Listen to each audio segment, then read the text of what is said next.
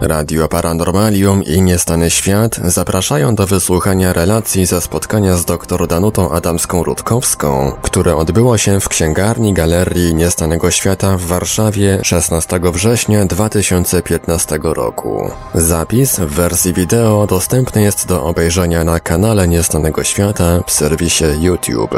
Dr Danuta Adamska-Rutkowska to w naszej ocenie najwybitniejsza współcześnie w Polsce badaczka zjawisk parapsychicznych oraz innych zaliczonych do obszaru z tzw. Tak pogranicza. Autorka wydanej niedawno wspólnie z Danutą Dudzik książki Kwantowa Rzeczywistość. Naukowe wyjaśnienie zjawisk nadprzyrodzonych. Przypomnijmy, że dr Danuta Adamska-Rutkowska jest od wielu lat stałym współpracownikiem Niestanego Świata, w którym wydrukowała liczne artykuły poświęcone naukowej analizie m.in. takich zjawisk jak jasnowidzenie, telepatia, radiestezja czy kontakty z pozafizyczną rzeczywistością, w tym także ze zmarłymi. Z tego punktu widzenia na szczególną uwagę zasługuje czteroodcinkowa publikacja Zaskakujące spotkania o spotkaniach z tymi, którzy odeszli ze znanego nam świata, która ukazała się na łamach Niestanego Świata w 2013 i 2014 roku.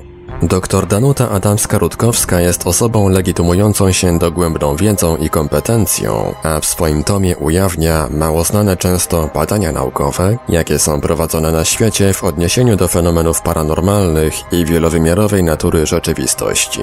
Autorka przy tym nie tylko nie stroni od podejmowania trudnych problemów, lecz odważnie przeciwstawia się naukowemu dogmatyzmowi, który utrudnia, a w praktyce uniemożliwia ich poważne badanie, między innymi w oparciu o najnowsze osiągnięcia fizyki kwantowej. Książka Kwantowa Rzeczywistość Naukowe wyjaśnienie zjawisk nadprzyrodzonych jest oczywiście dostępna w księgarni Galerii Nieznanego Świata, a można ją sobie zamówić pod adresem www.nieznany.pl. Tyle słowem wstępu. Zapraszamy do wysłuchania relacji ze spotkania.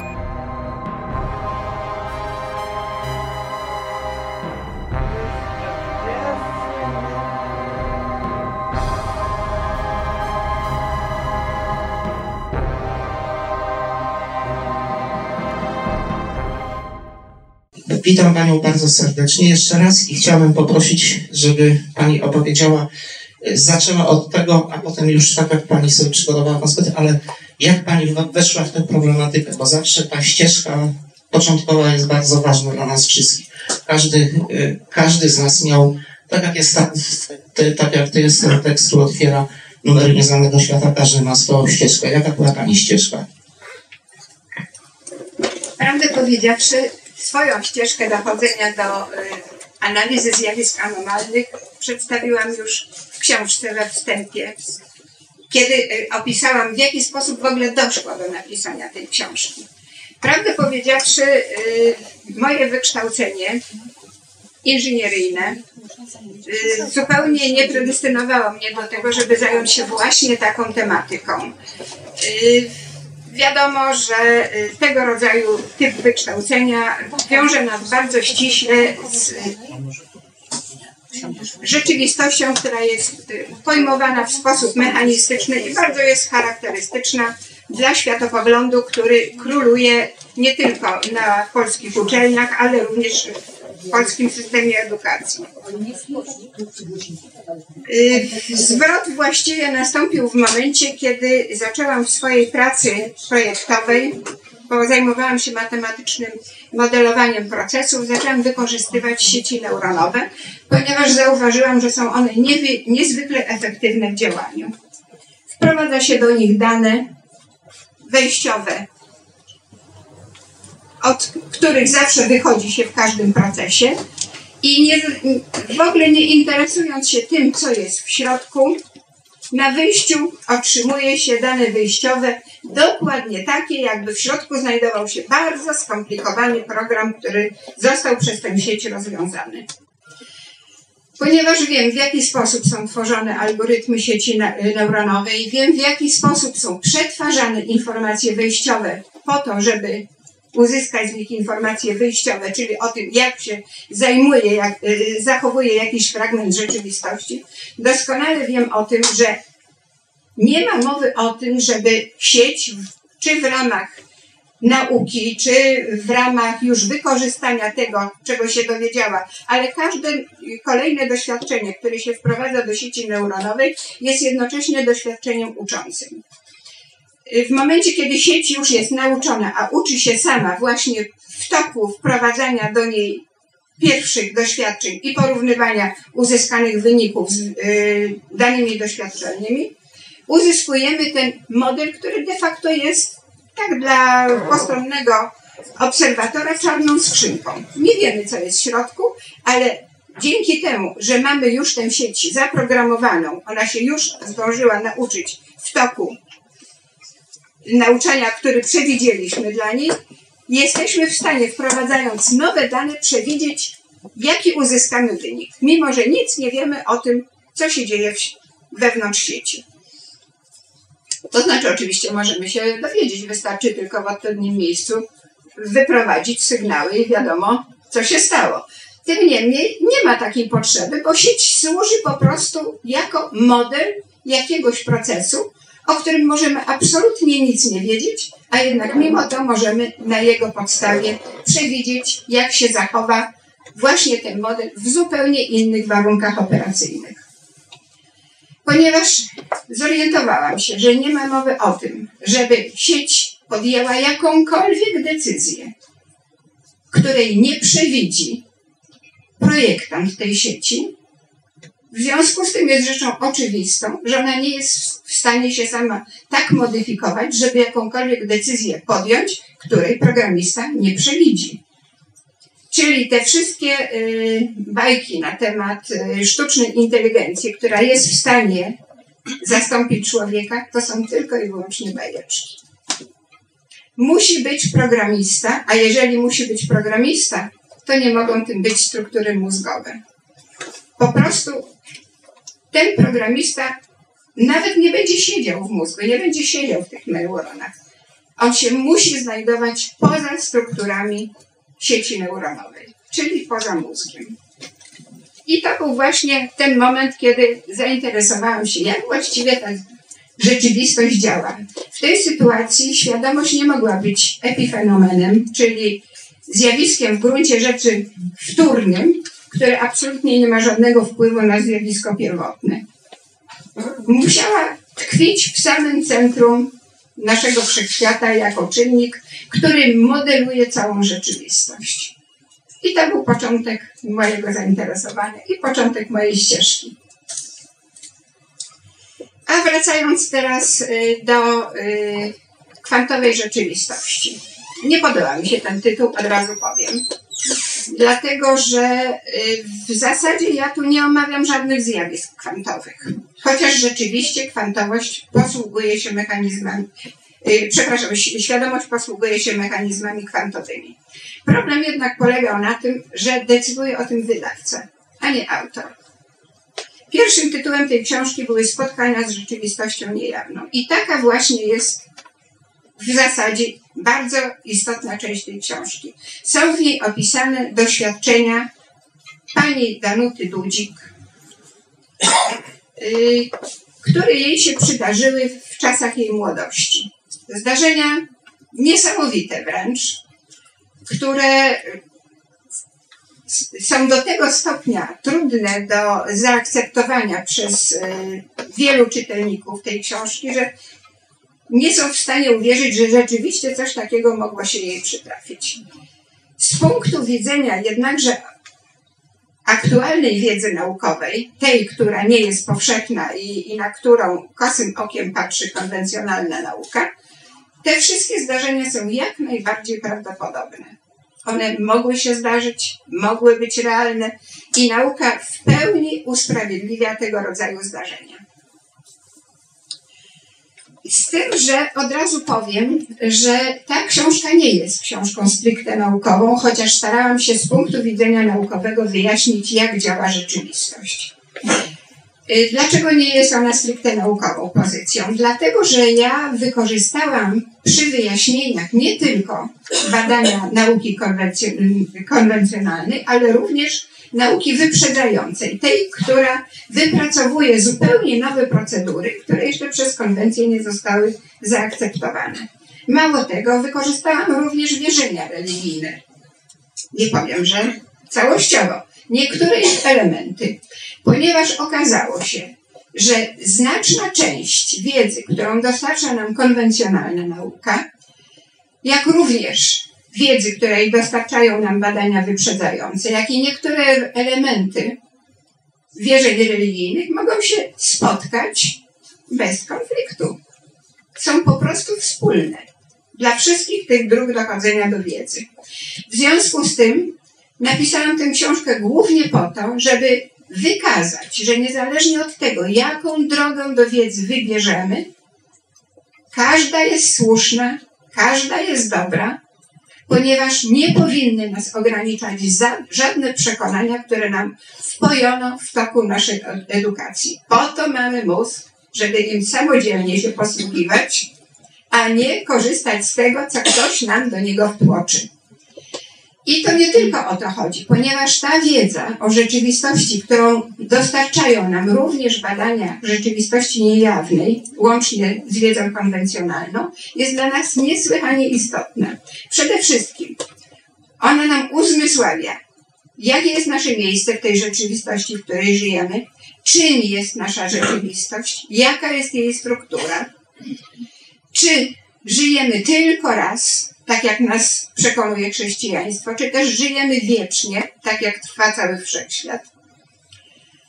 I właściwie po co żyjemy? Jaki jest sens naszej egzystencji? Na to wszystko w tej chwili nauka, jeżeli weźmiemy ją globalnie i zestawimy wszystko to, czego nam dostarcza zarówno konwencja, jak i y, badania wyprzedzające, wszystko to razem składa się w jedną spójną całość. Trzeba tylko po prostu z każdej tej dyscypliny wiedzy wybrać to, co się ładnie układa niczym puzzle tej samej układanki.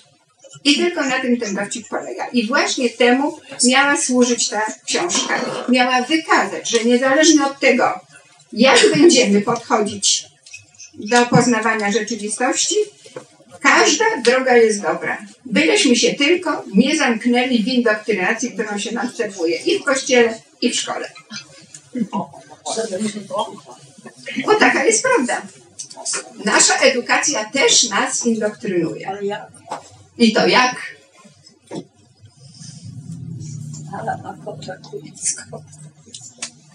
Przede wszystkim powinniśmy sobie zdać sprawę z tego, że świadomość kształtuje nie tylko nas, ale również rzeczywistość wokół nas. Zmienia tę rzeczywistość. Każdy z nas w gruncie rzeczy znajduje się w centrum wszechświata, swojego wszechświata, ale do tego przejdziemy. Yy, dlaczego z całą pewnością y, świadomość nie jest epifenomenem. Przede wszystkim dlatego, że mamy już doświadczenia z neuroplastycznością mózgu. Gdyby świadomość nie była w stanie oddziaływać na struktury mózgowe, to neuroplastyczności nie, było, nie bylibyśmy w stanie zauważyć. Yy, następnie, gdyby świadomość nie oddziaływała na struktury mózgowe każdego organizmu żywego od prostej komórki począwszy, bo prosta komórka też działa dokładnie na tej samej zasadzie jak organizm wielokomórkowy, ma swój mózg, którym jest błona komórkowa, odbiera sygnały ze środowiska, zachowuje się w sposób inteligentny, Dlatego właśnie mogła stworzyć organizmy wielokomórkowe. A jeżeli nie dostrzegaliśmy tego, jak ważna jest w naszym życiu świadomość, świadczy to tylko i wyłącznie o tym, że tak dalece nas zindoktrynowała niestety nauka i system edukacji, że nie byliśmy w stanie wyjść poza schematy, które nam wdrukowano do umysłów w szkole i na studiach. Prawda jest bowiem taka, że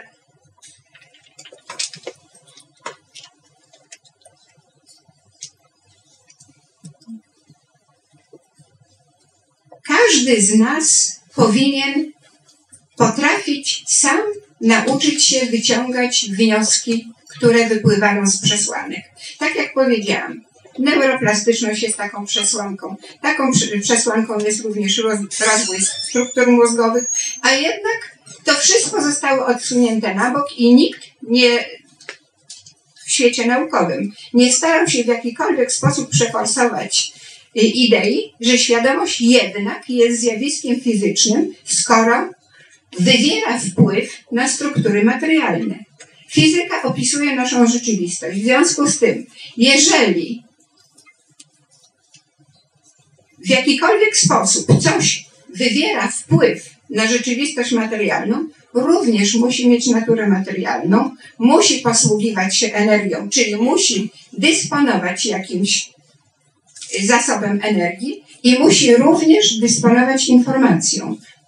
Czyli krótko mówiąc, podstawowymi funkcjami stanu materii wcale nie jest masa, jak nam to się wtłoczyło do umysłów, tylko energia i informacja. Te dwie właściwości materii decydują o tym, że była ona w stanie wykształcić świadomość.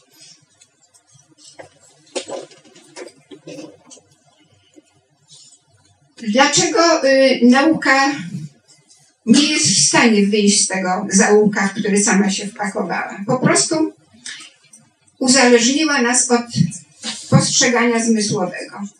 Tylko to, co jesteśmy w stanie zobaczyć, zmierzyć, zarejestrować, tylko to jest uznawane przez naukę jako obiektywna wiedza. Czy ta wiedza rzeczywiście jest obiektywna?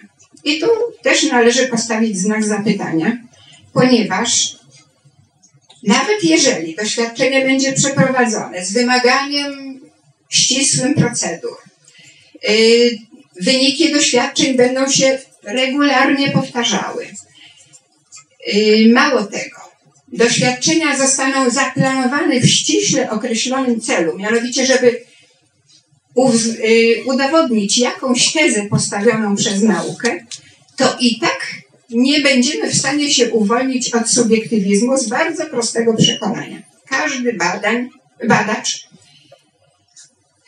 ma już wprogramowane do umysłu własne przekonania i tymi przekonaniami się będzie kierował przy interpretacji otrzymanych wyników.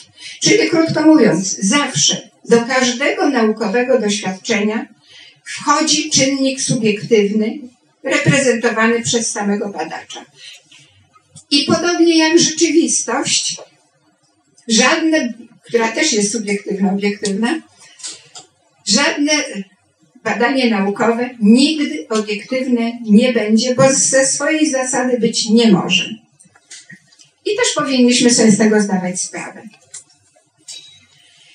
Co jeszcze nam sugeruje, że rzeczywistość nie jest wcale taka, jaka jest? Przede wszystkim zorientowali, a przynajmniej nie taka, jaką chciała przez długi czas nauka. Przede wszystkim za, y, w momencie, kiedy Einstein przedstawił swoją teorię grawitacji, która jest powszechnie znana jako ogólna teoria względności, uświadomił światu, że obserwator zawsze znajduje się w centrum doświadczenia naukowego. Jego teoria wykazała, że ważne jest nawet to, z jaką prędkością porusza się obserwator. Im ta prędkość jest większa, tym wolniej płynie czas i tym bardziej kur, kurczy się przestrzeń. Czyli ani przestrzeń, ani czas nie są to żadne wartości stałe. Całkowicie są uzależnione od obserwatora i od warunków prowadzenia obserwacji. Następna sprawa, następna dziedzina fizyki, która nam to uzmysłowiła, to była fizyka kwantowa. I nie będę jej nazywała mechaniką kwantową, pod którą ukryto jej transcendentne implikacje. Fizyka kwantowa nigdy nie była mechaniką i nigdy nie będzie.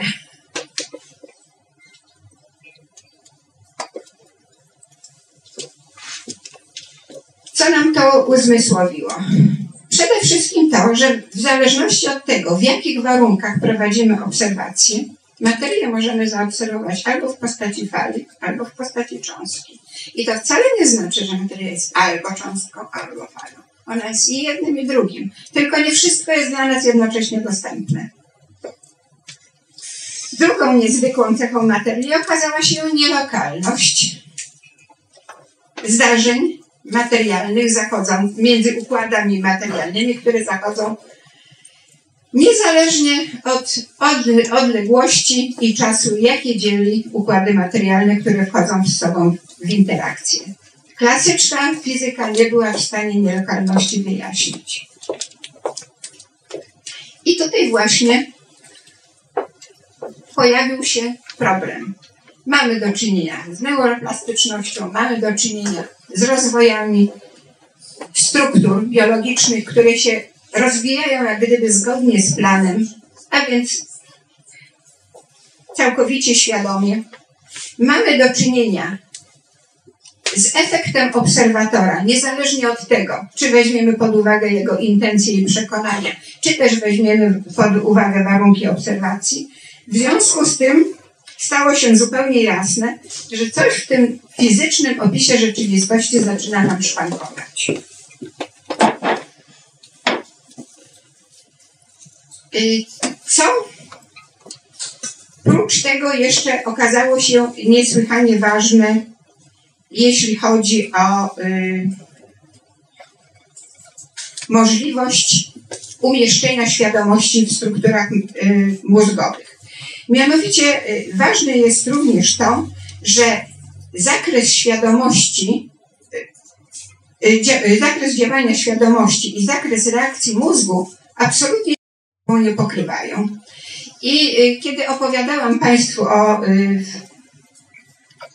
sieciach neuronowych, które odwzorowują działanie mózgu, y, wspomniałam o tym, że w gruncie rzeczy ten, może nie wspomniałam, ale w tej chwili powinnam, że jest to, to co panu, Państwu opowiedziałam, to jest typowy punkt widzenia inżyniera projektującego sieć neuronową. Niemniej jednak, dokładnie z takim punktem widzenia zgodziło się bardzo wielu i neurochirurgów, i neurofizjologów. Właśnie dlatego, że te dwa zakresy działalności świadomości i reakcji mózgu absolutnie się ze sobą nie pokrywają. I wśród tych naukowców, którzy podważali umiejscowienie świadomości w mózgu, znaleźli się tacy badacze jak Penfield, Kanadyjczyk, znany prawdopodobnie wielu z Państwa, Karol Pribram, Austriak, a także Australijczyk i Kleks, który nawet posunął się do tego, że wysunął koncepcję kompleksów świadomościowych, którym co prawda nadał formę niematerialną, ale ponieważ wiemy, że całą rzeczywistość wszechświata tworzy materia, w związku z tym te kompleksy też muszą być materialne. Tym bardziej, że dysponują energią. Jak zostało to udowodnione, możecie Państwo przeczytać właśnie w kwantowej rzeczywistości. I dysponują informacją do wykorzystania. A o tym, że fale mogą, bo pole jest jednocześnie falem, falą, o tym, że fale mogą przenosić informacje, to my doskonale wiemy. Korzystamy z tego na co dzień, kiedy przenosimy w nich informacje o obrazach, dźwiękach, w falach elektromagnetycznych. Czyli to nie powinno być dla nas zaskakujące, że dokładnie te same właściwości może wykazywać również materiał naszych ciał, która też nie jest czymś takim zupełnie oczywistym, jak usiłuje to w nas wmówić nauka y, konwencjonalna, ponieważ w gruncie rzeczy, w zależności od tego, w jaki sposób będziemy obserwować nasze ciało, będzie się nam ono albo przedstawiać w postaci zespołów pól fizycznych, albo w postaci atomów, cząsteczek, związków chemicznych najróżniejszego rodzaju. I tak przy okazji, chociaż w zasadzie jestem fizykochemikiem, powiedziałabym, że chemia to też powinien być dział fizyki, bo w gruncie rzeczy to naprawdę fizyka opisuje rzeczywistość. A skoro już y, doszliśmy do fizyki, kwantowej, powinnam również y, zaznaczyć, że fizyka kwantowa po raz pierwszy uzmysłowiła nam, że obok naszej rzeczywistości może istnieć rzeczywistość niejawna, której nie odbieramy zmysłami. Tak prawdę powiedziawszy, to nie tylko fizyka kwantowa nam to uświadomiła, bo również y, badania i obliczenia prowadzone dla wodorów y, temperaturze zera bezwzględnego ujawniły, że one wciąż się poruszają. Gdyby tylko i wyłącznie istniała ta rzeczywistość, którą obserwujemy, nie miały prawa, by się poruszać. Czyli z góry należało im nadać jakiś poziom energetyczny po to, żeby mogły się nasze obliczenia zgodzić z doświadczeniem. Co to oznacza? To znaczy, że nasza rzeczywistość, ta, która podlega naszej obserwacji, wymienia wymienia to nie jest dobre określenie. Wchodzi w reakcje energetyczne z innym poziomem rzeczywistości, który dla nas jest zupełnie niewidoczny.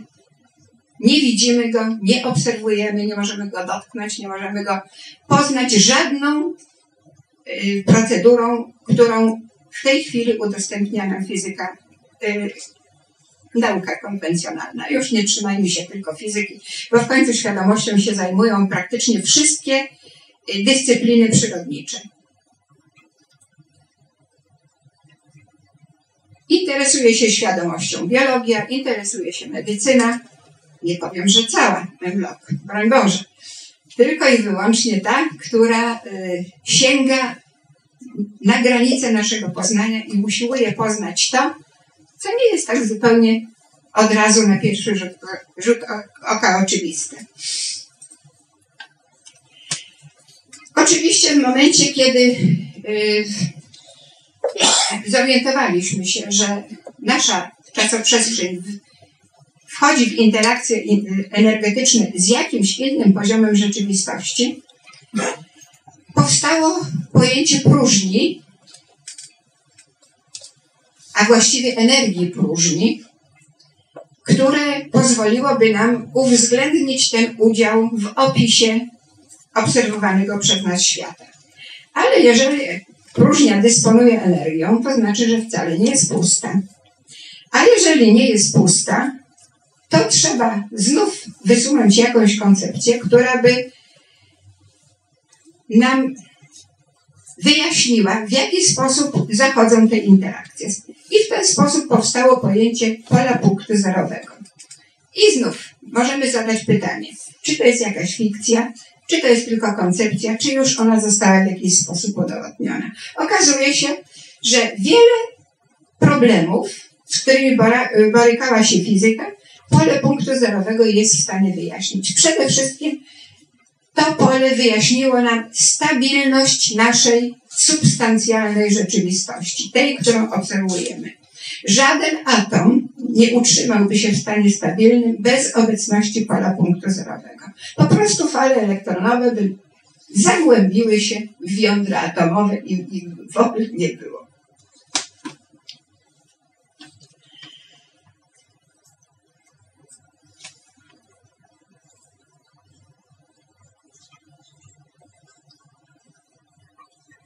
Oprócz yy, kwestii stabilności naszej substancjalnej rzeczywistości, y, pole punktu zerowego wyjaśniło nam również, skąd się bierze zjawisko masy, właściwie efekt masy, ponieważ masa nie jest niczym, co istnieje konkretnie co można wziąć w rękę. Wyjaśniło nam również, w jaki sposób pojawia się efekt grawitacji. Tych akurat y, problemów nie omawiałam w kwantowej rzeczywistości. Żebyście się Państwo mogli z nimi zapoznać, to już sięgnąć do moich kolejnych książek. Y, kwestia grawitacji jest omawiana dopiero w piątej. Ale chyba coś na ten temat wspomniałam nawet wcześniej, ponieważ ta sprawa y, również wynikła w toku badań wyprzedzających w czasie eksploracji rzeczywistości niejawnej w stanie pozacielesnym. Y, wtedy y, jeden z eksploratorów spotkał się ze zmarłym swoim kolegą z Instytutu Monroe, który przedstawił mu swoją teorię grawitacji i okazało się, że nieomal równocześnie, w tym samym czasie amerykański fizyk Harold Puthoff dokładnie taką samą wizję, w jaki sposób można to zjawisko wyjaśnić, przedstawił. Jako po prostu efekt oddziaływania na, na siebie pola punktu zerowego i pól, jakie tworzą obiekty substancjalne naszej rzeczywistości. Po prostu te obiekty wygaszają część fal pola punktu zerowego i rezultat jest taki, że pole punktu zerowego, obiekty, które wykazują w naszym rozumieniu efekt masy, są ku sobie popychane. A jeśli się popycha, są popychane, to znaczy, że my odbieramy to jako efekt przyciągania. Wydaje mi się, że zaczęłam się trochę za bardzo zagłębiać w tematykę, która zupełnie nie jest poruszana w kwantowej rzeczywistości. Postaram się wrócić do tego, co jest w książce i to, co mam zanotowane tutaj w swoim konspekcie do y, wyjaśnienia. Y, wracając do kwestii rzeczywistości niejawnej, którą y, również ujawnia fizyka kwantowa. Interpretacji fizyki kwantowej mamy wiele, ale ja uważam, że najbardziej z nich interesująca jest interpretacja przedstawiona już kilkadziesiąt lat temu przez y, brytyjskiego fizyka Davida Bayma. Y, wyszedł on mianowicie z założenia, że jeśli zdarzenia materialne,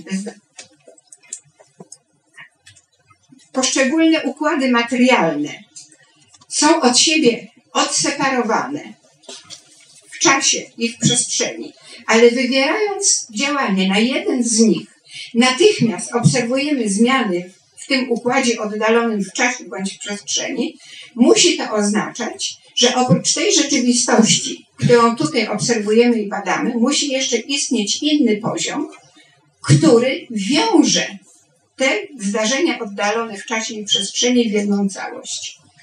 I wysunął w związku z tym koncepcję organizacji wszechświata, w której nasza czasoprzestrzeń stanowi holograficzną projekcję głębszego poziomu rzeczywistości. I to jest właściwie koncepcja, która nam bardzo wiele y, wyjaśnia, aczkolwiek jak dotąd nie została ona w pełni zaakceptowana przez świat naukowy. Czy mamy jeszcze jakieś inne dowody na to, że ta rzeczywistość niejawna w istocie istnieje? Nauka konwencjonalna nam y, przedstawiła swoją koncepcję powstania wszechświata jako y, czas, y, twierdząc, że nasza czasoprzestrzeń powstała w wyniku wielkiego wybuchu w, y, w warunkach początkowej osobliwości. Oczywiście tej początkowej osobliwości nauka konwencjonalna długo nie była w stanie wyjaśnić. Całkowicie się znajdowała ona poza naszymi technikami pomiarowymi i również po, poza naszym rozumieniem. W związku z powyższym, żeby stworzyć jakikolwiek model ewolucji wszechświata, trzeba było podejmować rozmaite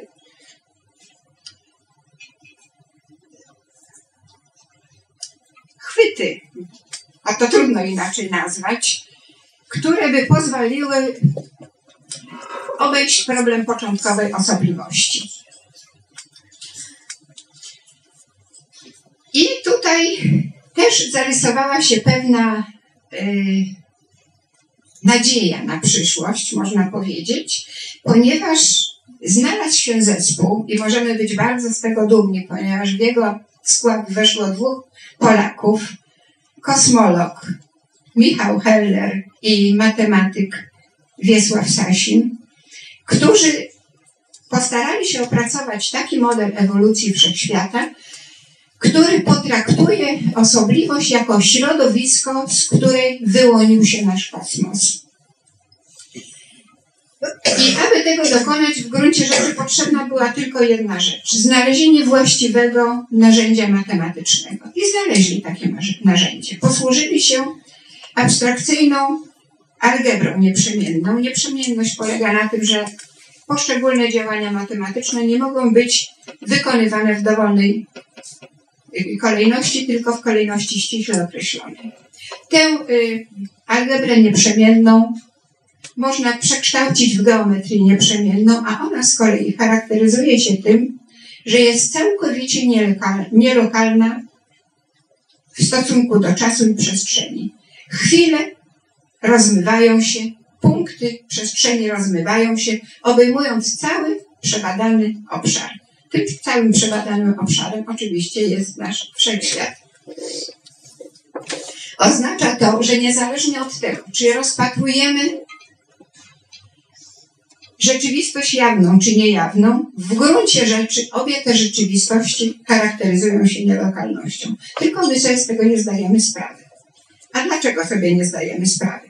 Ponieważ każdy z nas się znajduje w swoim własnym, indywidualnym wszechświecie, a od rzeczywistości głębszego poziomu jesteśmy oddzieleni własnym, indywidualnym horyzontem zdarzeń, na którym są, znajdują się wszystkie te informacje, które są dla nas dostępne.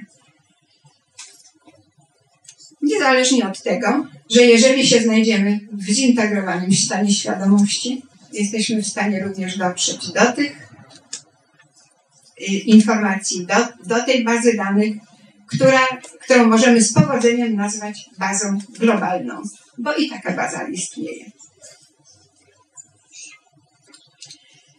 Okazuje się, że jesteśmy powiązani nie tylko oddziaływaniami energetycznymi z głębszym poziomem rzeczywistości, ale jesteśmy powiązani całkowicie z nim pod względem energetycznie-informacyjnym. Energetyczno-informacyjnym.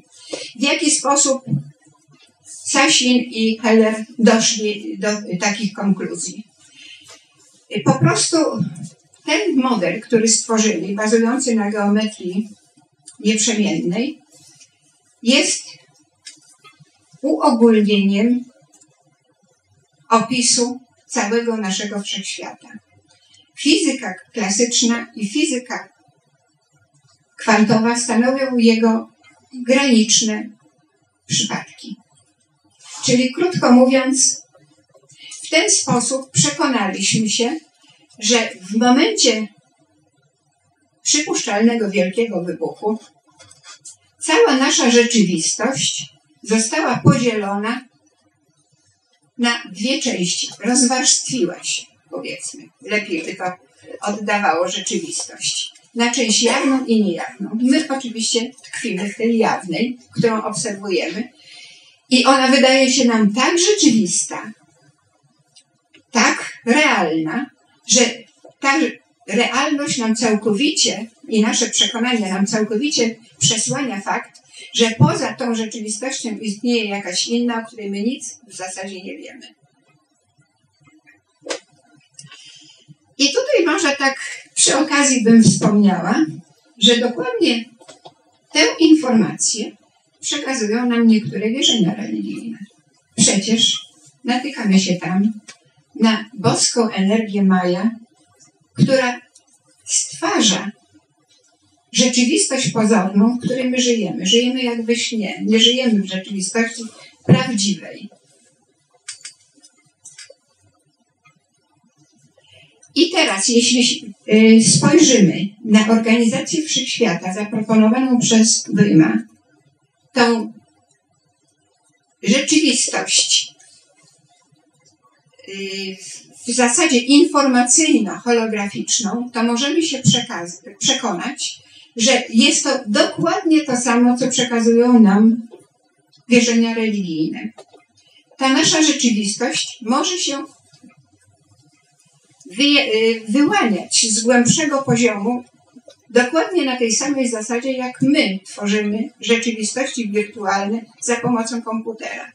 Czyli krótko mówiąc, gdzieś musi istnieć jakiś pro, program, który symuluje rzeczywistości wirtualne, z których my możemy dobierać niczym ze stosu rozmaitych y, możliwości tę rzeczywistość, którą aktualnie obserwujemy. Bo my w gruncie rzeczy żyjemy w wiecznym teraz.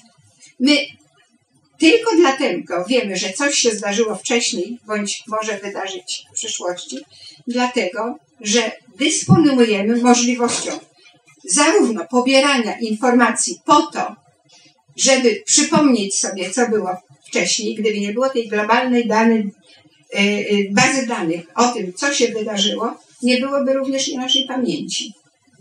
My żyjemy tylko w, obecnie, w tej chwili, widzimy, co się wokół nas znajduje, ale że wcześniej przyjechaliśmy tutaj metrem czy samochodem, to po prostu my to wiemy, ponieważ jesteśmy w stanie pobrać z naszego banku danych informacji i jesteśmy w stanie odtworzyć sobie nawet wizualną projekcję tego, co się wcześniej wydarzyło.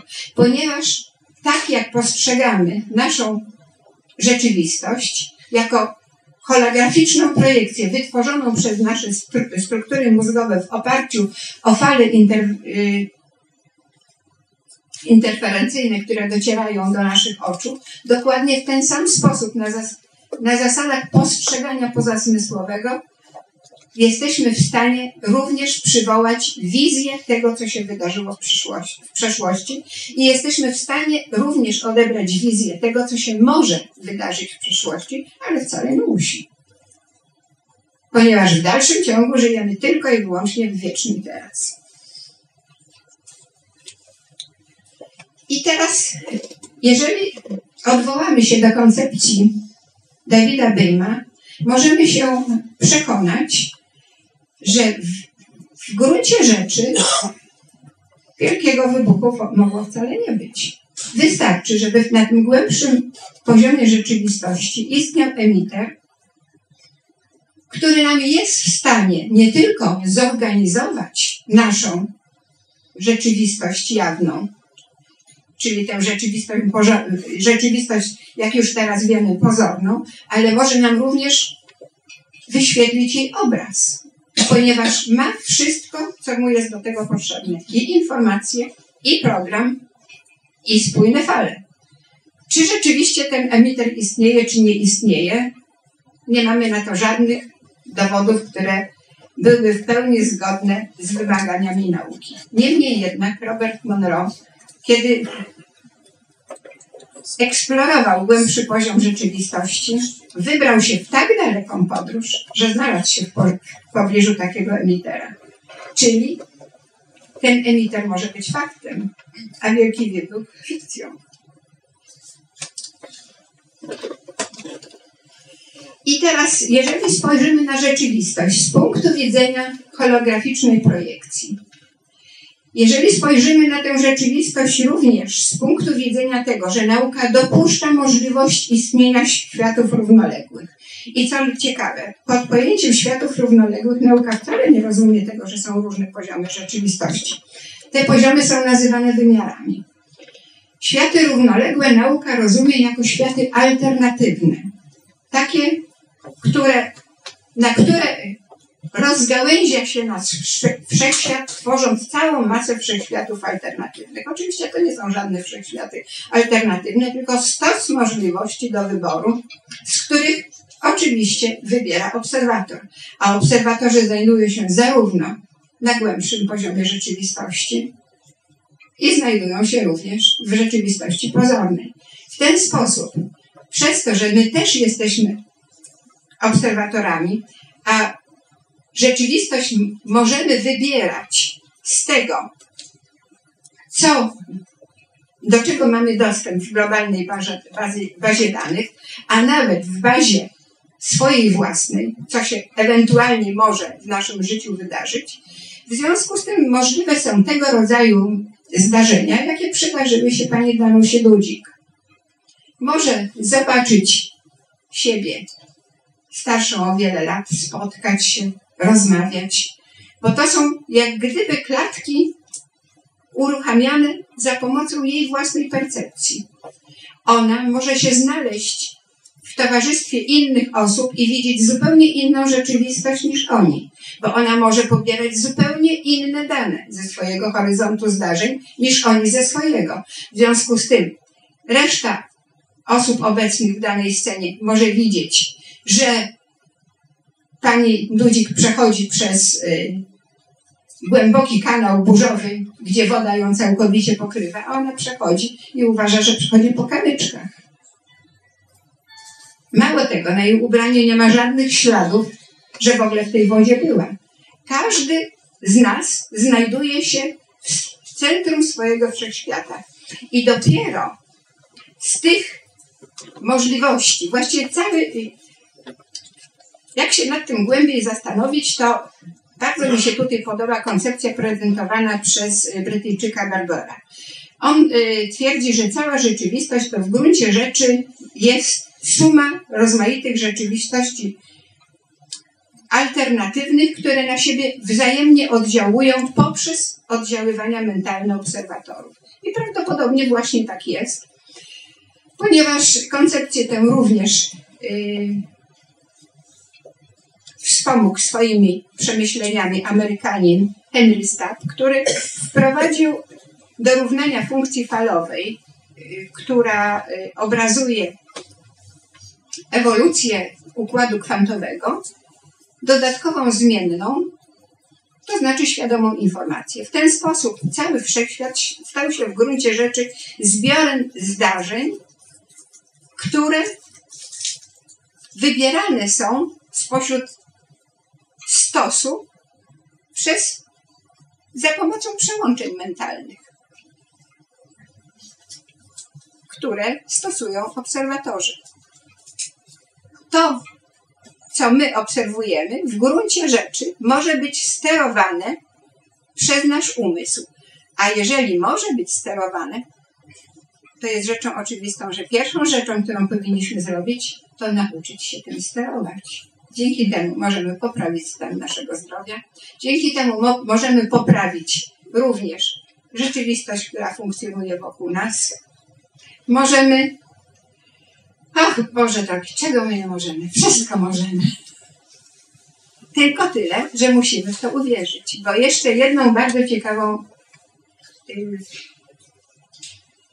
właściwością charakteryzuje się nasza świadomość. Jeżeli nie wierzymy to, że możemy to zrobić, się na pewno nie uda. I to jest pewność, od której nie ma żadnego wyjątku, nie ma zmiły. Nie wierzymy, nie widzimy. Nie wierzymy, nie będziemy z całą pewnością y, bioenergoterapeutą. Nie uwierzymy, nie będziemy odbierać komunikatów anomalnych. Ale chciałabym na jedną rzecz zwrócić uwagę. My wszyscy możemy w sobie te właściwości wykształcić. Każ dla każdego z nas są one dostępne. Ekstrasensi są w tej dobrej sytuacji, że oni to mają, może, można powiedzieć, podane na talerzu. Ale każdy z nas jest w stanie dokładnie wpasować w tę, w tę prawdziwą rzeczywistość. Przekonałam się o tym sama, kiedy się zorientowałam, że jestem w stanie własnym biopolem regulować pracę mojego organizmu. A ponieważ nie jestem ekstrasensem, a udało mi się to, znaczy każdy może.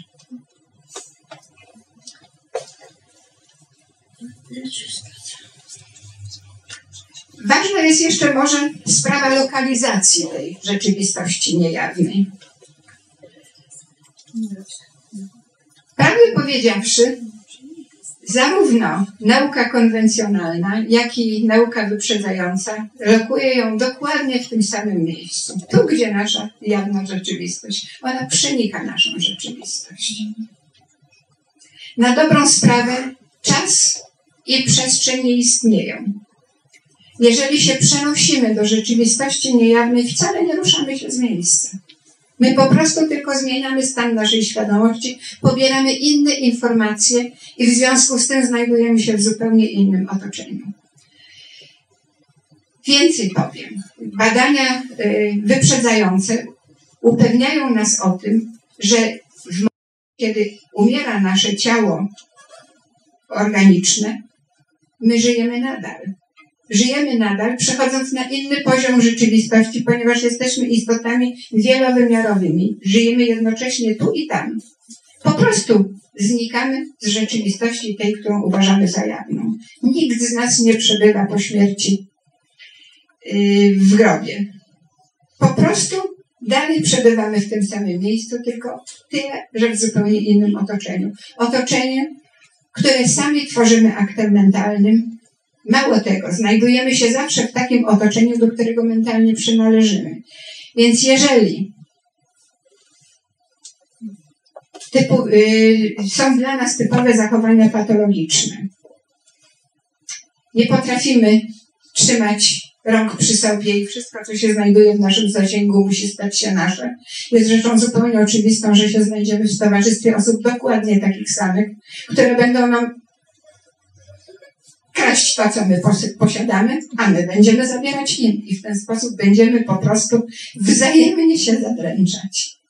Jeżeli ktoś nie potrafi funkcjonować bez zabijania innego człowieka, znajdzie się dokładnie w takim samym towarzystwie. Dokładnie w ten sam sposób będzie uprzyjemniać życie innym, jak inni będą uprzyjemniali jemu.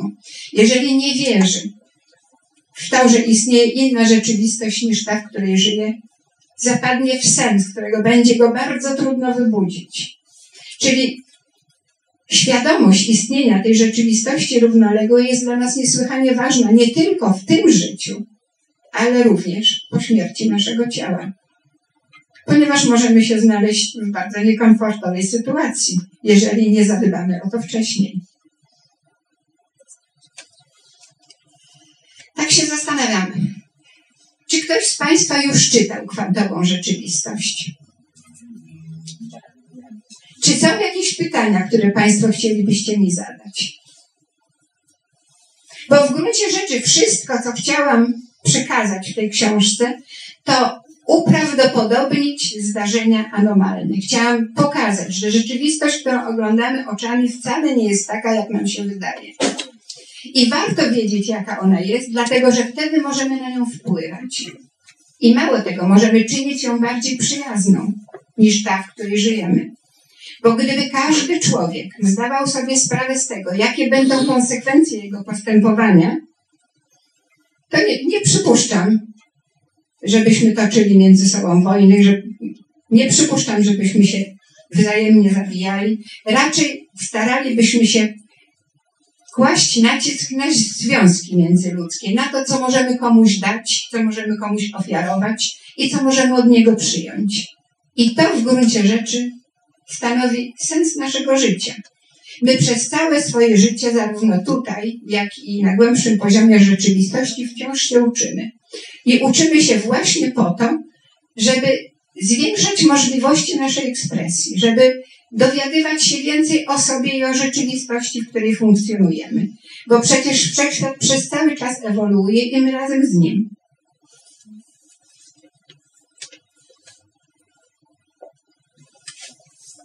A teraz przepraszam, bo poprosiłam o pytania i jednocześnie się rozgadałam mnie wyrzucisz z kadru potem, e, że na chwilę. E, chciałbym e, prosić Panią, żeby, tutaj rozmawialiśmy wcześniej, że Pani powiedziała, Pani doktor, jak Pani ocenia trylogię Monroe. Wszystkie trzy książki, Podróże poza ciałem, Dalekie podróże i najdalsza podróż zostały teraz wydane przez Galaktykę. Jest są nowe wydania. Ja nie daję, napisałem teraz zresztą w, to w numerze tym jubileuszowym, że ja w ogóle uważam tę trylogię za być może w ogóle, jeśli chodzi o penetrację rzeczywistości pozafizycznej, za najważniejszy wieloksiąg w całej literaturze światowej. Pani wiem, że przywiązuje też do niego wielką uwagę. Chciałbym prosić o kilka zdań na ten temat. Proszę zwrócić uwagę, bibliografia tej książki jest no, zupełnie niebywała. To znaczy, tu jest kilkaset pozycji obcojęzycznych również, y, takich książek, które Państwo znacie, Matryca Rzeczywistości, Bradena, y, Biologia Przekonań Liptona i tak dalej, ale bardzo dużo w ogóle książek w Polsce nieznanych, prac naukowych. pani po prostu y, wykonała nieprawdopodobną pracę dokumentacyjną i badawczą wcześniej, zanim tę książkę napisała. A wracając do Monroe, oddaję. Uważam, że to są bardzo ważne książki, które nam ukazują niejawną rzeczywistość, ale nie tylko one. Ponieważ y, ludzie, którzy y, w instytucie stworzonym przez Monroe y, brali udział w eksploracjach, a zwłaszcza ci, którzy brali udział w eksploracjach partnerskich, również opisywali swoje doświadczenia i uważam, że one są również niesłychanie istotne i ważne. Dlaczego? Przede wszystkim one nam uświadomiły, że każdy z nas rzeczywistość głębszego poziomu tworzy w oparciu o swoje własne doświadczenia. Każdy z uczestników y, eksploracji partnerskich widział tę rzeczywistość nieco inaczej, ale w gruncie rzeczy wnioski wypływające w wyniku tych eksploracji były zawsze identyczne, niezależnie od tego, co kto zobaczył. Czyli w gruncie rzeczy, niezależnie od tego, czy tu istniejemy, czy tam, i tu i tam tworzymy rzeczywistość. Gdy przechodzimy na nią w pierwszym momencie, możemy tworzyć ją na obraz i podobieństwo tej rzeczywistości, z której się tutaj wydostaliśmy. Niczym motyl, tak jak to ładnie Iwan Aleksander ujął, z kokonu na zewnątrz. Uwolniliśmy się. Faktem jest, tutaj ciało ogromnie nas ogranicza. W momencie, kiedy dostajemy się do rzeczywistości głębszego poziomu, tych ograniczeń zupełnie nie odczuwamy, ponieważ nasza percepcja nie odbywa się już za pomocą zmysłu wzroku, w związku z tym nie patrzymy tylko przed siebie, chyba że jesteśmy jeszcze przyzwyczajeni do tego, żeby patrzeć w jednym kierunku. Widzimy całą rzeczywistość wokół siebie, ponieważ nie jesteśmy już w tej samej formie materii, w jakiej jesteśmy tutaj. Materia przejawia się w wielu formach. I niech nas nie zmyli to, że jeżeli czegoś nie widzimy, to to już nie jest materialne. Przecież elektrony my z powodzeniem jesteśmy w powłoki elektronowe, jesteśmy w stanie z powodzeniem wymacać za pomocą dotyku. Jak nas trzepnie prąd, to się przekonamy, że to jest jak najbardziej dotykalne. Zresztą nawet powietrze poruszane różnicą ciśnień też jesteśmy w stanie odebrać dotykiem. Też go nie widzimy. Także nie tylko to, co widzimy, jest realne. Musimy zdawać sobie sprawę z tego, że tak powinniśmy prowadzić badania, żeby zobaczyć całą rzeczywistość. Tutaj y, pan redaktor Remuszko pytał mnie, jak oceniam y, książki Monroe. One właściwie nam otworzyły bramę do tej rzeczywistości niejawnej. Bo ci ludzie, którzy w tej chwili ją penetrują, penetrują w oparciu o jego doświadczenia, o wskazówki, jakie on udzielił i nie tylko to, bo przecież on w swoim instytucie opracował techniki, które nam pomagają wejść w taki stan świadomości, który nam umożliwia zejście na inną głębokość rzeczywistości, zobaczyć ją po prostu z innej perspektywy. Bo to jest ta sama rzeczywistość, tylko tyle, że oglądana z zupełnie innej perspektywy. I chyba z tego względu uważam, że to są, jest to, są to pozycje niesłychanie ważne. No i y, skoro już mówimy o Monroe, to przede wszystkim wydaje mi się, że powinniśmy również wziąć pod uwagę fakt zaobserwowania przez niego emitera, bo to świadczy o tym, że wielki wybuch prawdopodobnie w ogóle się nie odbył. I tak prawdę powiedziawszy, pisząc, pisząc kwantową rzeczywistość, przede wszystkim starałam się przekonać czytelnika, że każda droga dochodzenia do wiedzy jest słuszna. I tym bym właściwie chciała podsumować całość tego, co powiedziałam o kwantowej rzeczywistości. Nie powinny nas żadne przekonania ograniczać. To, co opisałam, daje się wytłumaczyć zarówno za pomocą wierzeń, jak i za pomocą badań wyprzedzających, których nauka w tej chwili nie uznaje, a również badania konwencjonalne prowadzone w ramach obowiązującej nauki też nie są z nim sprzeczne. Przecież rzeczywistość niejawna jest faktem. I ten fakt stwierdziła już również nauka konwencjonalna, więc musimy się z nim pogodzić.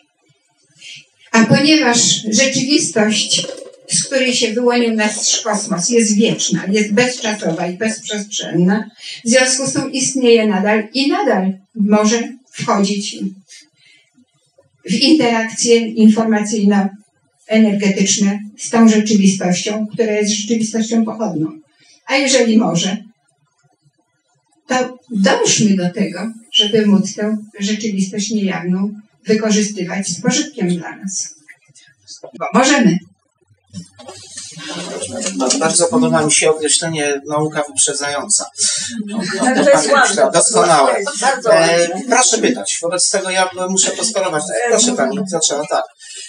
Przeczytałam książkę, jest fascynująca. Dziękuję za, za taką książkę, ale miałam pewien niedosyt, bo chciałabym poznać tę drugą panią Danusię, która e, opowiada te swoje historie i to na przestrzeni wielu, wielu lat. I to jest moje pytanie. Czy ta pani Danusia e, po spotkaniu z panią zmieniła się jej świadomość i czy ona jakie wskazówki dla nas, jak można by było, jak można by było em, skorzystać z jej, no to trudno powiedzieć, że skorzystać, ale rozwijać Z jej doświadczeń nie da rady skorzystać, dlatego że y, jej doświadczenia są tylko pewną ilustracją tego, w jaki sposób funkcjonuje rzeczywistość. Żeby z tego skorzystać, trzeba nie tylko zrozumieć rzeczywistość, ale również trzeba nauczyć się osiągać zintegrowane stany świadomości, bo bez tego nie ma mowy o przełączeniach mentalnych między zjawiskami i między zdarzeniami. Tam na przykład Pani opisuje taki przypadek, jak ona jedzie e, autobusem, e, który, do którego wsiadła, no nie wiem, lata 80., koniec 70. i daje stare pieniądze, a ten autobus był zupełnie inny, tak jakby w dzisiejszych czasach jechał. No to jest, to jest właśnie ilustracja tego. Ale przeniesienie tych artefaktów, ona daje pieniądze, stare tam 100 złotych z Parińskim czy jakieś takie i ten jej odrzuca, że to czy Wszystko w porządku, ale to jest rzeczywistość widziana z, z jej perspektywy. Z jej perspektywy. Inni tego nie widzieli. No właśnie, ale kierowca Czyli krótko mówiąc, jest to ilustracja tej koncepcji, którą przedstawił Barber, brytyjski fizyk. Przepraszam, niech pani No tak, ale ona powiedziała, że kierowca odrzucił te pieniądze, tak kierowca z przyszłości odrzucił te pieniądze, które mu dała Zgadza się, bo z, z jej On widział te w pieniądze, rzeczywistości, zgadza się, bo ona stworzyła swoją rzeczywistość. swoją własną rzeczywistość. Ona się znalazła w centrum swojego własnego świata, gdzie zetknęły się osoby funkcjonujące w różnym czasie. Ona zetknęła w, jed- w swojej percepcji zdarzenia, które wydarzyły się w różnym, w różnym czasie i ona w tym brała udział i ci ludzie, których ona widziała wokół siebie. I my nie mamy pewności, czy to były tylko holograficzne projekcje, czy też rzeczywiście w jakiś sposób zaistniało coś obok tej rzeczywistości, w której my aktualnie żyjemy. To była rzeczywistość widziana z jej perspektywy. Ale czy ona zmieniła się od tamtego czasu, kiedy pracuje z panią? I... Nie. Nie, ona nawet w tej chwili nie doświadcza takich zdarzeń i na tej podstawie wyciągnęłyśmy wspólnie wniosek, że najwyraźniej był to plan, który y, być może nawet razem do spółki już ustaliłyśmy na głębszym poziomie rzeczywistości, wiedząc, że tutaj miałyśmy się spotkać i razem skumulować jej doświadczenia z moją wiedzą. A żebym ja z kolei tę wiedzę mogła przekazać i, i mogła y, wyjaśnić, dlaczego jej się przydarzyło właśnie to, a nie co innego, musiałam też spełnić szereg warunków. Jak widać, udało mi się je spełnić. Ja mam takiego mikrofonu, proszę. Nie, czy można się nauczyć kierowania własnym biopolem? Można. Ale gdzie można? Podobno są kursy, ja się tego nauczyłam sama. Ja czytałam Podróż do Ojca Ciekawości. Czy może to coś z Mądrowiec wspólnego? Ta książka Podróż do Ojca Ciekawości. Też Podróż, podróż do Ojca Ciekawości jest książką tego samego typu, co książki Monroe, tylko tyle, że szerzej omawia. No, ale nie jest jego uczniem przecież. Tak. Rzut. To jest dalszy ciąg eksploracji głębszego poziomu. W związku z tym uzupełnia o nowe informacje, jak ten poziom jest zorganizowany. Dzięki temu wiemy, że podobnie tak jak w naszej rzeczywistości, wszystkie y, formy materii substancjalnej y, są organizowane na zasadach fraktalnych. Prawdopodobnie na zasadach, y, na zasadach fraktalnych jest również zorganizowana nasza świadomość. Ten układ świadomy, który organizuje wszystkie porządki. Proszę pani teraz, tak?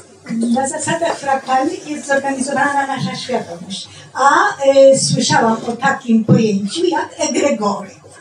Y, Czy to, co przed chwileczką Pani mówiła, iż po śmierci naszego ciała spotykamy się ze swoimi wibracjami ym, gdzieś tam, to oznacza, że w określonych wymiarach, które Przepraszam nazwać bardzo, ja, ja, pani, ja y, pani muszę przerwać. Ja od razu na wstępie powiedziałam, że reprezentuję punkt widzenia nauki. Nie mam bladego pojęcia, co to jest Gregor. egregor. Egregor.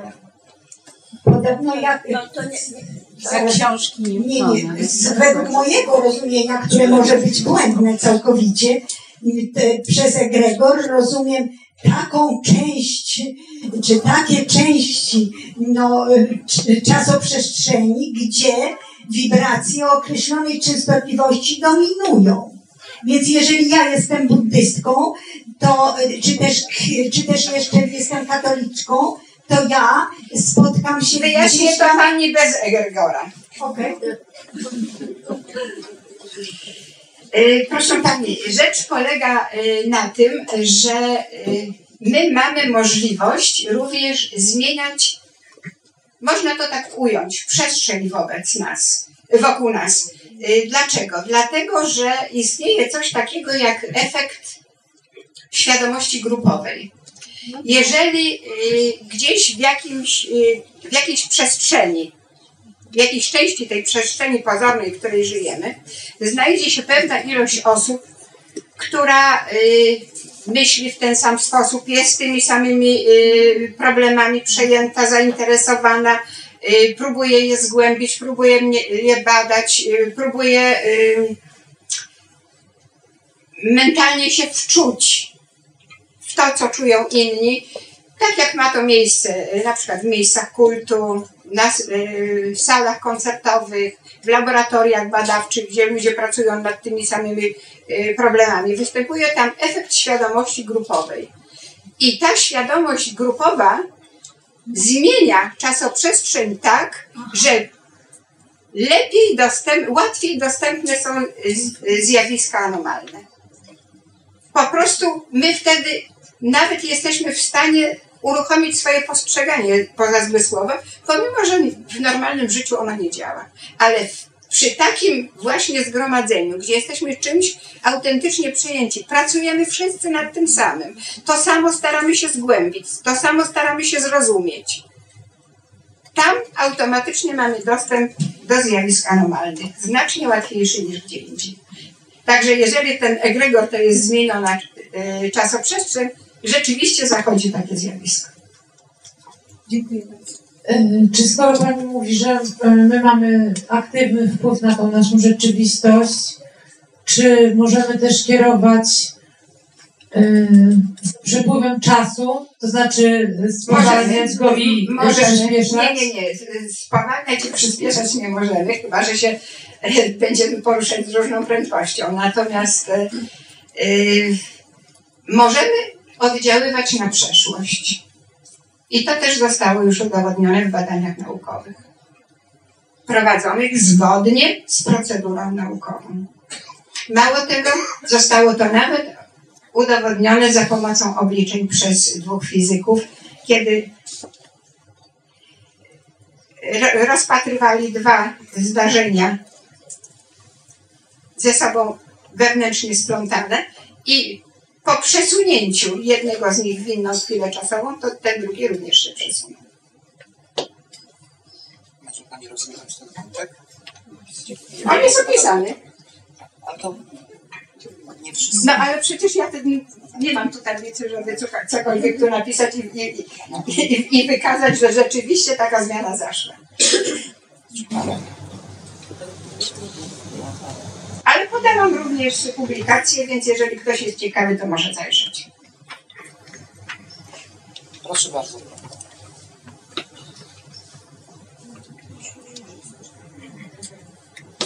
W nieznanym świecie pan Marek na pewno pamięta, doktor Kołodziejczyk napisał, jak pewna osoba zmarła, a grupa ludzi nie, nie uwierzyła, że ona nie żyje i modlili się, modlili się i po prostu zmartwychwstała. Prawda Pani Marku? Był taki artykuł. Znaczy, czytałem publikację, trudno w to uwierzyć, ale podobno fakt jest autentyczny. No. Znaczy, zmarła. No. Tak, książki nie pana. Jeżeli rzeczywiście byli w stanie ci ludzie modlący się intencją zmienić zjawisko, które zaszło w przeszłości, to rzeczywiście y, być może tak było. Zresztą y, w momencie, kiedy pani Budzik się spotkała ze swoim zmarłym przyjacielem, on też jej powiedział, że jeżeli bardzo by chciała, to on mógłby powrócić między żywych i nikt by się nawet nie zorientował o to, y, że on kiedykolwiek zmarł, dlatego, że po prostu automatycznie wtedy przeszłość ułożyłaby się w całkiem inną historię. Ale to, to się zmieniło. Nie, no oczywiście zmieniłaby się teraźniejszość. I przyszłość automatycznie mogłaby się też zmienić. No, a paradoks dziadka? Tego?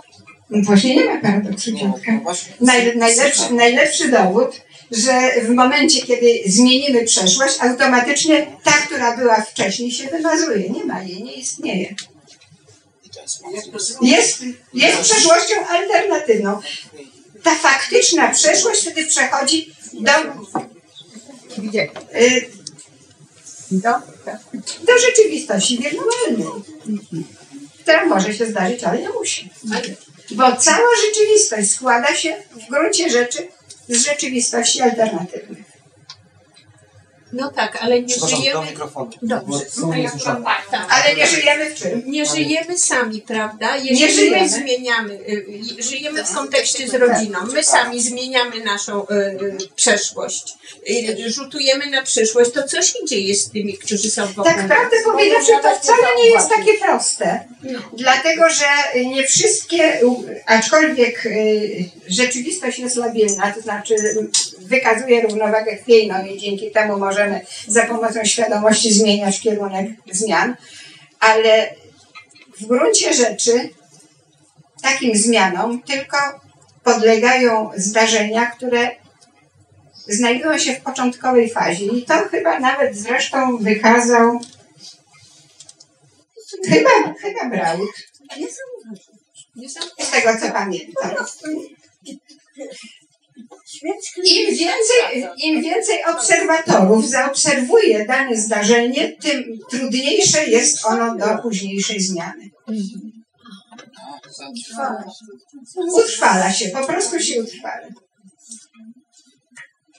Także nie wierzmy w to, że kiedykolwiek się dowiemy o tym, że nie było II wojny światowej.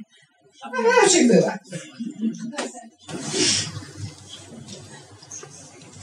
Czy to, czy to jakie pola świadomości zbiorowej mają decydujące znaczenie w, no, jednak w jakimś okresie czasu?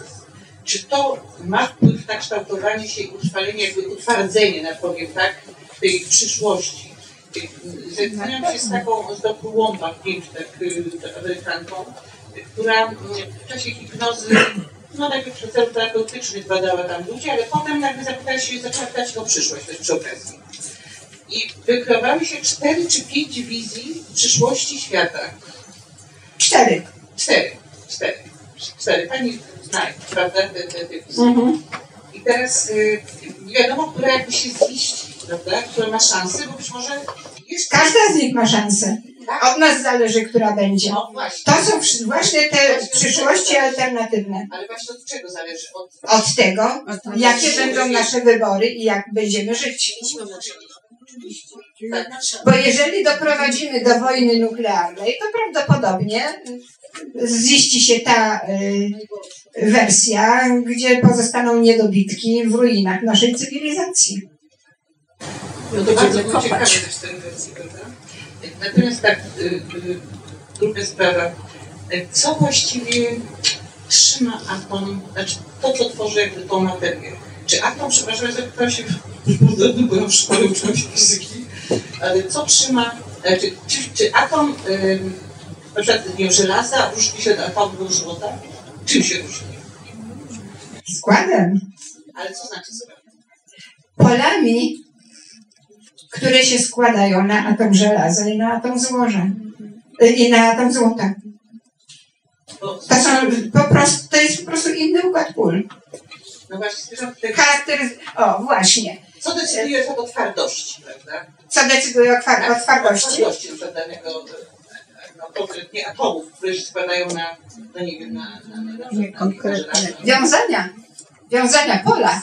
Pola. Jeżeli pola. Y... Nasze ciało ma ściśle określoną twardość. Pola, które go tworzą, są wystarczająco gęste, żeby jeżeli włożymy dłoń do wody, to woda się przed nami rozstąpi. Dlatego, że pola, które tworzą wodę, są zdecydowanie, mają rzadziej rozłożone linie sił. Jeżeli pani na przykład na sznurku ciężarek będzie obracała, to chciałabym widzieć tego, kto tam wetknie rękę. I pytanie jest oczywiście zmierzam do tego, co jest, gdzie jest ta granica między rzeczywistością niejawną a jawną? Bo mówi się w ogóle, że materia składa się z niematerii, tak? Nie, materia nie składa się z To niematerii. jest taka też koncepcja, że materia składa się, Przepraszam, czy ja? Mogłaby mi pani powiedzieć? że składa się z niematerii. E, Że wszystko jest wibracją, że wszystko jest. Materia wibruje. Tak. Materia rzeczywiście wibruje, więc materia też jest wibracją. Proszę pani, każda cząsteczka, każdy atom charakteryzuje się swoją własną wibracją, ponieważ to są pola fizyczne, które wibrują. Pole to fale to pola. I w związku z tym informacja, która jest niesiona przez tę wibrację, oddziałuje na nasz organizm tak, jak nam się wydaje, że e, oddziałuje atom czy ta cząsteczka. Jeżeli pani e, zastosuje lek homeopatyczny, który nie zawiera praktycznie substancji wyjściowej, a woda ma możliwość takiej, ustawienia takiej konfiguracji dzięki mostkom wodorowym, że odtwarza wibra, wibrację cząsteczki w niej rozpuszczonej, znaczy substancji w niej rozpuszczonej, to nawet jeżeli pani później tę wodę rozcieńczy, to ona będzie oddziaływać jak substancja, ale będzie jej tak mało, że zastymuluje ona układ odpo- odpornościowy, ale pani nie zaszkodzi. Tę właściwość i wody, i, sub, i, i substancji chemicznych, wibracyjne właściwości niosące ze sobą informacje, przecież już wiele lat temu wykazał Jacques Benveniste i zarobił Aldzi Nobla prześmieszczego. I do dzisiaj każdy wie, że on tego Nobla otrzymał.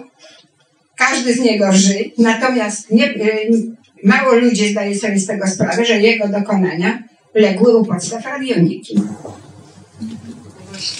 Dodanie bardzo intrygujące pytanie, co to, co to kto to de- zdecydował, że, że właśnie to ma takie pola składały? To ja pani na to pytanie nie odpowiem. Kto zdecydował? Nie, to jest pytanie o programistę. No, no Właśnie ten programista z najgłębszego y, y, porządku, który organizuje wszystkie inne porządki naszej rzeczywistości. Może go pani nazwać Bogiem, może go pani nazwać Stwórcą, może go pani nazwać źródłem. Nazwa nie ma znaczenia. Okej. To sobie jedną taką mam, ja właściwie uwagę, nie wiem czy Państwo zetknęliście się z takim um, streszczeniem podróży um, właśnie wyjścia właściwie no, śmierci klinicznej, chociaż twierdzą, że to była śmierć. Nazywa się Thomas Benedict, nie wiem czy Państwo też z przewędrował, to, to jest, ja szukałam coś więcej o nim, co, co się potem z nim działo i tak dalej. To w 82 roku opublikowane to zostało raz, no, dla mnie to Ale gdzie on przewędrował? przewędrował właśnie przez no właśnie wszystkie wszechświaty, przy czym to ja, ja, ja tego nie powtórzę, bo to jest bardzo skomplikowane, ale między innymi tam y, mówi o kilku, kilku sprawach, że jednak wybuchów było, że cały czas te Big Bang odbywają się. To są te, na przykład mówiliśmy, juki, tak postrzegane, prawda, że to są cały czas, wszechświaty się powstają, Te, wszechświaty nie powstają, one istnieją równolegle. I w, zależności od tego, jak, jaki wpływ wywrą na nie obserwatorzy, to, co my widzimy, to jest po prostu wy, wypadkowa tych wpływów. No i twierdzi, że źródeł, znaczy to nie mówi, że to z kolei z innej tej, e, że tych właśnie wielkich wybuchów, że się cały czas dokonują. To w tej wiedzy jakby w hinduizmie to jest rozumiane było opowiadane jako yugi, właśnie te cykle. Ale ja, proszę Pani, nie jestem specjalistką w dziedzinie religijnej. Nie, to, to nie jest, to nie jest właśnie religia, bo to, to nie jest. To księdza dobrodzieja. No i jeszcze, jeszcze jest taka ta misterstwa w Stanach Zjednoczonych, guru trzeba zapytać, a nie mnie. Nie, to nie, to nie jest Czy ktoś jeszcze z Państwa ma jakieś pytanie? Tak? Tutaj, Zadać ktoś jeszcze pytanie? Kiedy następna książka? Może Pani Y? Kolejna powinna się ukazać y, albo w grudniu tego roku, albo w styczniu przyszłego. Tytuł Jest-? Tytuł? Jeśli nie zmienił Pani znowu. O, został zmieniony. Spróbuję go sobie przypomnieć. Dobra. Początkowo to była zagadkowa świadomość, ale ona się nie podobała. No tak. Chyba związki ducha i materii. No, taki sobie. y, Pani był lepszy. Znaczy ten spotkania z rzeczywistością niejawną. No, zdecydowanie. Mnie się też bardziej podobał. Zdecydowanie lepszy. Przynajmniej dobrze oddawał zawartość książki. Dokładnie. Ale była trochę na wyrost. A jeszcze mam takie pytanie, y, czy te rzeczywistości alternatywne, o których Pani mówi, te niejawne, to czy to ma coś wspólnego, czy to jest tożsame z wymiarami, że To jest, to, trzecim to jest tożsame y, ze światami równoległymi, które postulował y, Hugh Everett. I tak prawdę powiedziawszy... Można do mikrofonu, tak? Mikrofonu można. Przepraszam. Czy Pani z naukowego punktu widzenia po prostu uznaje takie coś jak y, Jak czwarty, piąty, szósty, siódmy, ósmy wymiar? W zasadzie dlaczego by nie, bo przecież coś takiego właśnie postulował Bym. Że ten najgłębiej ukryty porządek generuje z siebie inne porządki i wszystkie organizuje. Może ich być siedem. Nie wiem, nie liczyłam. Prawdę powiedziawszy, myśmy ich jeszcze nie poznali. Natomiast jeśli chodzi o światy równoległe postulowane przez Hugh Ever- Everetta, to w zasadzie im odpowiada pojęcie światów alternatywnych. I też światy równoległe mają bardzo wiele y, interpretacji, a najbardziej odpowiada mi interpretacja Jacka Sarfatiego, który połączył światy alternatywne Hugh Everetta z ukrytym porządkiem Davida Bejma. Moim zdaniem najlepiej to oddaje w tej chwili to, czego się dowiadujemy w czasie badań niekonwencjonalnych.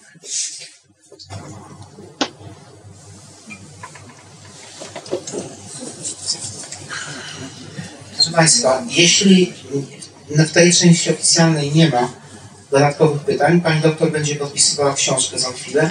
Ja chcę tylko powiedzieć, że e,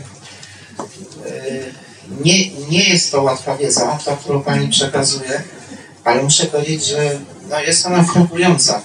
Myśmy tutaj z Panią trochę docierali na łamach nieznanego świata przez wiele lat, bo niektórzy czytelnicy mieli pretensje, że jej teksty są za trudne. No ale jak o takich sprawach można mówić inaczej? Pani ma warsztat naukowy, inaczej się tego nie da przekazać. I pani po prostu y, w swoich pewnych syntezach y, była i jest odkrywcza. Ja to ja się nie waham użyć tego słowa, dlatego że nie mamy możliwości my ze swoją wiedzą dość i różnymi bardzo doświadczeniami, ścieżkami dostępu do pewnych takich informacji, które Pani przetwarza i nam jak gdyby podaje już oczywiście w takiej formie, w jakiej może to zrobić jako badacz naukowiec. Yy, Ja w ogóle, jeśli bo mam tutaj po tych 25 latach redagowania tego pisma różnego rodzaju refleksje, nie, nie tylko pozytywne, nie tylko pozytywne. Natomiast muszę powiedzieć, że jeśli nieznany świat jest, jest jakąś wielką przygodą poznawczą dla kogoś takiego jak ja, kto myśli i redaguje, to między innymi dzięki takim ludziom jak pani. To jest w ogóle niesamowite. Znaczy, nigdy nie zetknęlibyśmy się e, z tą wiedzą i z panią, gdyby nie to pismo. Bardzo pani za to dziękuję. Ja również. Opublikował to, co ja chciałam napisać. Niestety to, co ja chciałam czytelnikom przepisać, e, prze, przekazać, nie jest wcale łatwe do opublikowania, ponieważ zawsze spotykałam się z zarzutem, że to jest niby wiedza naukowa, ale jakaś taka dziwna.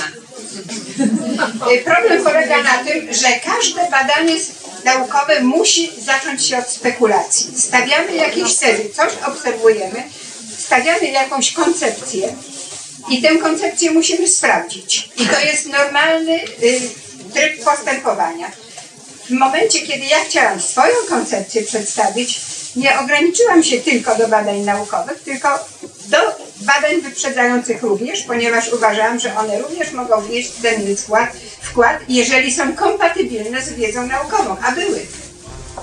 W Radiu Paranormalium wysłuchali Państwo relacji ze spotkania z dr Danutą Adamską-Rutkowską, które odbyło się w księgarni Galerii Niestanego Świata w Warszawie 16 września 2015 roku. Relacja w wersji wideo dostępna jest do obejrzenia na oficjalnym kanale Niestanego Świata w serwisie YouTube. Wszelkie prawa zastrzeżone.